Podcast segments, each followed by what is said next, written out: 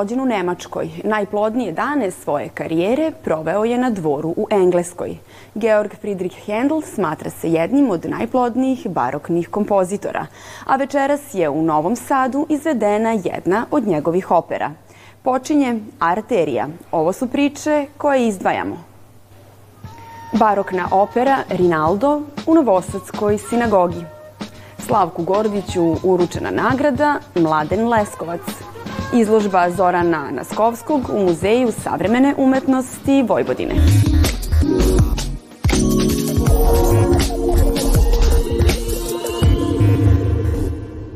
Godine 1711. u Londonu je izvedena opera Rinaldo Georga Friedricha Hendla, nastala prema Tasovoj poemi Oslobođeni Jerusalim.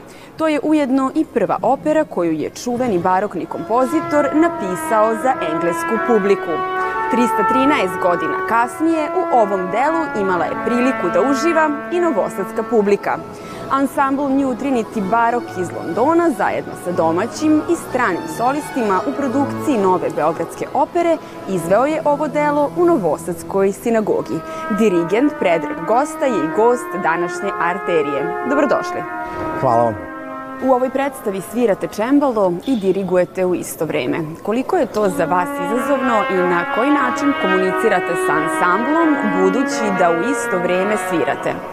E, sviranje čembala i dirigovanje je nešto što se tradicionalno događalo u barokno doba. Mi znamo da je Handel sa čembala dirigovao upravo Rinalda i ne samo Rinalda, tako da je to jedna potpuno uobičajena stvar za one koji se bave e, baroknom muzikom sviranje čembala i dirigovanje. Ja sam na sreću imao tu mogućnost da i studiram klasično dirigovanje, pored toga što sam a, takođe učio čembalo, tako da sklopiti te dve stvari e, u početku je bilo teže, ali kao i svaka druga e, stvar e, nauči se pa posle toga ide sve lakše i lakše. Muzičari sviraju na istorijskim instrumentima. Po čemu se sve oni razlikuju od instrumenta koji se proizvode danas? Um, mi recimo možemo da prepoznamo neke instrumente baš da su tipično barokni zato što recimo flauta u to doba je bila drvena kao što i danas jeste ona pripada u grupi drvenih duvačkih instrumenta ali je od metala jer se to promenilo tek u 19.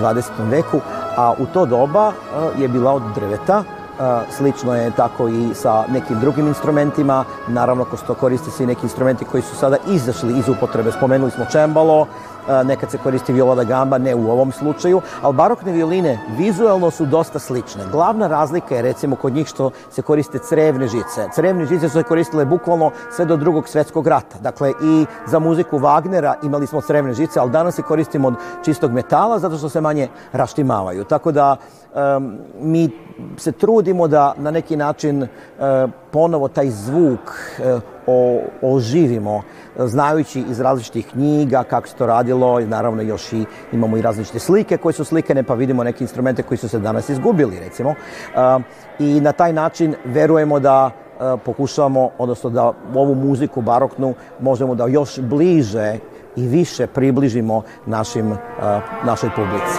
Učesnici ovog projekta su i polaznici 22. Beogradske barokne akademije. Kako je ona protekla i na čemu je bio akcenat?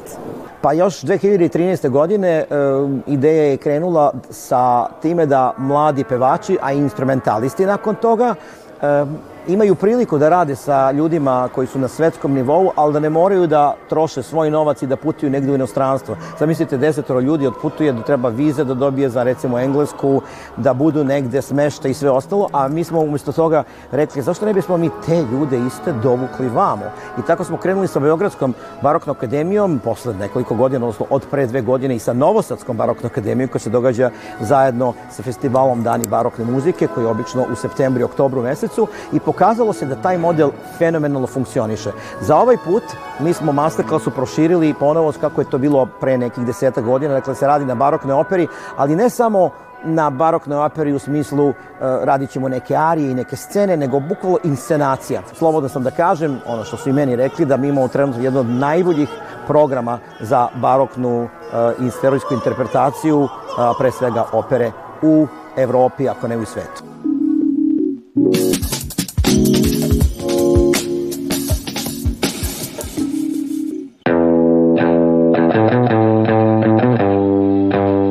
Granična stanja koja se u arhitekturi koriste za pritisak koji mogu da podnesu čelične konstrukcije poslužila su pisu Igoru Marojeviću kao metafora i za naziv knjige nagrađene Vitalovim priznanjem Zlatni suncokret, izdvojivši se prema oceni tročlanog žirija kao najuspešnije delo za 2023. godinu. Pisana jednostavnim jezikom, a protkana ironijom i humorom, ova zbirka priča u izdanju Derete progovara o tome koliko čovek može ili mora da podnese u naizgled uobičajenim situacijama. Pisac koji je već dugo prisutan na književnoj sceni ovom zbirkom dostigao je vrhunac u stvaralaštvu, ističe predsednik žirija Vladimir Gvozden.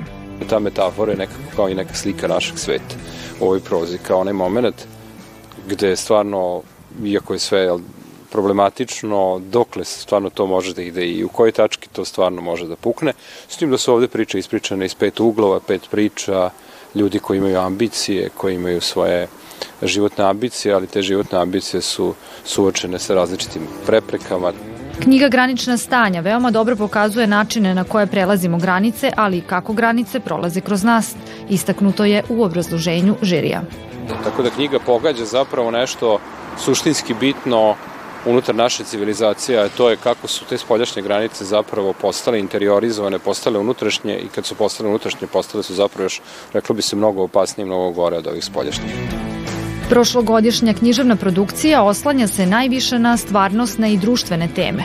Pojavili su se mlađi pisci vredni pažnje koji progovaraju o svetu surovog života u kojem treba opstati bez utopijskih ideja opstanka koje se prepoznaju kod pisaca starije generacije. Nagrada Mladen Leskovac u Matici Srpskoj uručena je Slavku Gordiću. Profesor Slavko Gordić više od pola veka intenzivno posvećeno i studiozno izučava različite oblasti srpske književnosti, kaže u žiriju za nagradu Mladen Leskovac. Nagrada nosi ime njegovog profesora sa kojim ima dodirnih tačaka u istraživanjima. Moj magistarski rad je bio u istima obsesivna tema Mladena Leskovca – Jovan Jovanović Zmaj. Napisao sam knjigu o, Veljko Petroviću, o Bošku Petroviću, kojega je veoma voleo Leskovac i o kome je takođe pisao.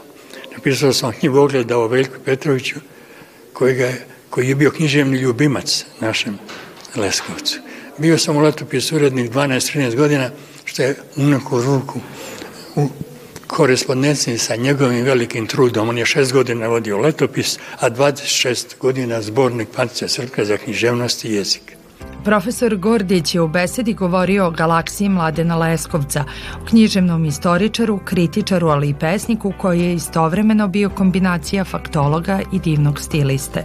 Činjenica da je on neobično poštovao činjenice, imao je vrlo odgovoran odnos prema njima, tumačio ih je na način kako recimo jedno pozitivistički način razmišljanja je e, tražio upravo takav rigorozan odnos prema činjenicama i preciznom utvrđivanju činjenica, ali je usto svoj način izlaganja redovno uh, umeo da prožme jednim zaista efektnim stilom jednog pravog esejste. To je njegova jedna, slobodno možemo reći, književno-istorijska eseistička čarobna forma. U čast svog najuspešnijeg predsjednika Matica je nagradu Mladen Leskovac ustanovila 92. i dodeljuje svake tri godine.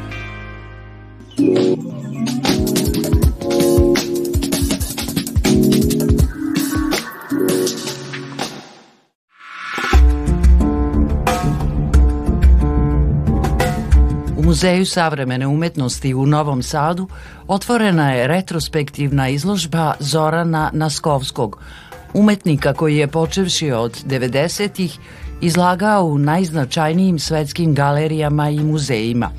Pod naslovom Javne tajne, utemeljen u avangardnim i konceptualnim umetničkim praksama, umetnik se angažovanim načinom mišljenja izražava putem tradicionalnih i novih medija, instalacijama, videom, filmom, muzikom, performansima. Pored tih ikoničkih radova kao što su Smrt u Dallasu, uh, L'Origine du Monde, uh, Warframes koji je između ostalog izlagan i na Venecijanskom bijenalu 2007. godine, uh, Mandala i Krst. Ovde imamo priliku da vidimo i neke, da kažem, nove instalacije koje, koje nisu predstavljene u Beogradu.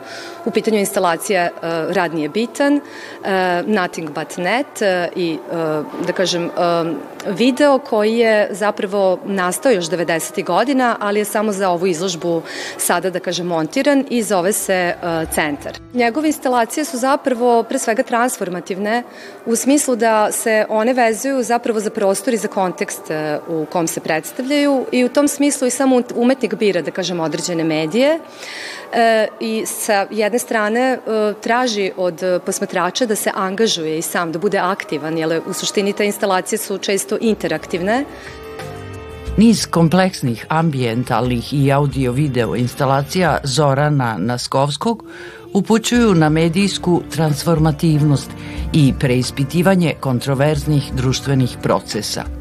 Sam naslov izložbe javne tajne na neki način, kažem, kroz jednu sintagmu e, ukazuje na e, tu jednu od glavnih tema kojim se njegovi radovi bave, a u pitanju su zapravo e, mediji informacije koje danas e, kreiraju najveći deo naše stvarnosti i u tom smislu on prispituje mnoge, da kažem, poluistine, neistine, e, ili istine, ali u svakom slučaju ispituje, da kažem, te brojne e, informacije koje se vezuju za neke velike teme e, danas. Zoran Naskovski predstavlja se svojom retrospektivnom izložbom istovremeno u Beogradu i Novom Sadu. U nizu priznanja za visoke domete svoje umetničke prakse izdvaja se memorijal Nadežde Petrović u Čačku godine 1996 nagrada godišnje izložbe Centra za savremenu umetnost u Beogradu 1997. kao i politikina nagrada za najbolju izložbu u 2020. godini. U Muzeju savremene umetnosti u Beogradu izložba će biti do 3. marta, a u Novom Sadu u bivšem muzeju revolucije do 17. marta.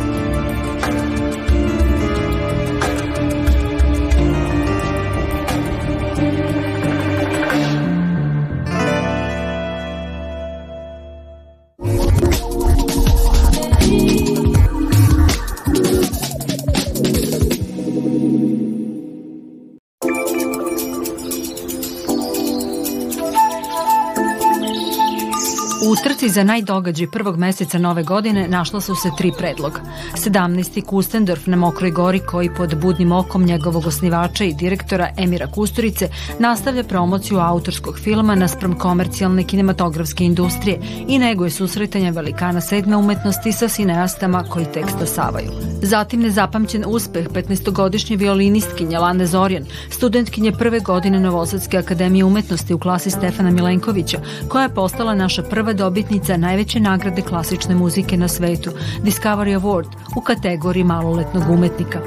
Treći predlog bio je sedmi doček 13. januara, proglašen najboljim trend brendom, jedinstven po umetničkoj koncepciji proslave nove godine, koji je i ovog puta u raznim prostorima ugostio značajne imena i grupe evropske muzike. Ovoga puta rezultat glasanja posle dugog vremena bio je nerešen. Sutra, u četvrtak, 1. februara, povodom Dana grada Novog Sada, u pozorištu mladih biće izvedene dve besplatne predstave. Ko je rekao mjau i dok te ja hranim i oblačim. Ako ste ljubitelji teatra, iskoristite ovu priliku i uživajte. Prijatno!